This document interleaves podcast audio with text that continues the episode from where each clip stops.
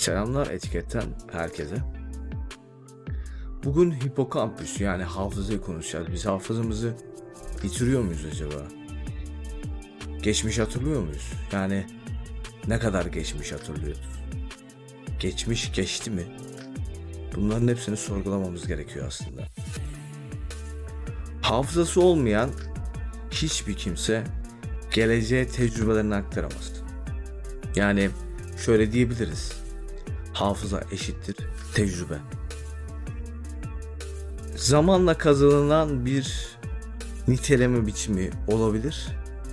Ama sadece yaşlarda bulunan bir kavram değil bu tecrübe meselesi.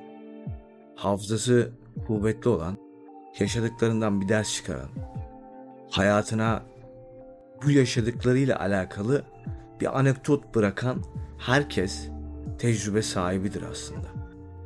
Biz bunları bilmiyoruz. Diyoruz ki bu adam yaşlı veya bu kadın yaşlı. Yani çok tecrübelidir. Tabii ki tecrübelidir. Yani yaşanan bir yıl bile, yaşanan altı ay bile, bir gün bile ya, bırak altı ayı, bir ayı, iki ayı, bir gün bile sana daha fazla bir şey katacaktır. Ama boşa yaşamamak gerekiyor. Dolu dolu yaşamak tabiri bunu gerektirir bence. Yaşadığın olaylardan bir çıkarım elde edip bu hipokampüs dediğimiz mevzu sizin hafızanızdaki oluşturulan elementleri birleştirip aa ben bunu burada yaşamıştım. Evet buradan bir şeyler çıkarıyorum diyebilmektir aslında.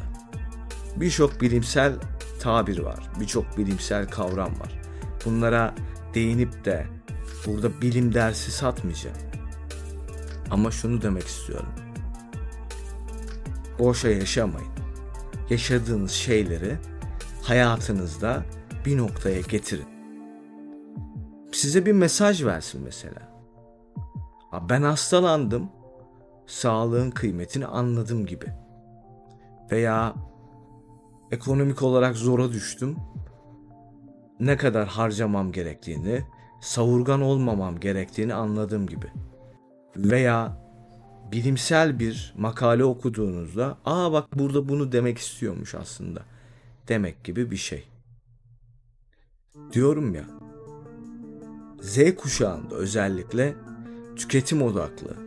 Yani ben bunu izliyorum geçiyor. Bana ne mesaj verip vermediğini çok da umursamıyorum demek kültürü oluşmuş. Bu kültürü kırmak lazım. Nasıl kırmak lazım? Okuyarak. Okuyamıyorsanız dinleyerek. Gözlerim bozulduktan sonra yani gözlük kullanmaya başladıktan sonra ben çok daha fazla sesli kitap uygulamalarına yöneldim. Mesela böyle bir şey yapabilirsiniz. Küçük küçük notlar çıkarabilirsiniz dinlediğiniz kitaplarla alakalı. Veya benim gibi bir YouTube kanalı açıp anekdotlarınızı paylaşabilirsiniz mesela. Bu da bir yöntem. Diyorum ya, boşa yaşamamak lazım. Oyun videoları izleyerek veya lagara lugara şeyler. Oradan zıpladım, şuraya atladım, işte şunu yaptım, bunu yaptım. Ha ha ha ha. Ya böyle değil ki bu dünya. Öğrenmemiz gerekiyor hocam. Bir şeyleri anlamamız gerekiyor artık. Boşa geçen her saniye sana zarar.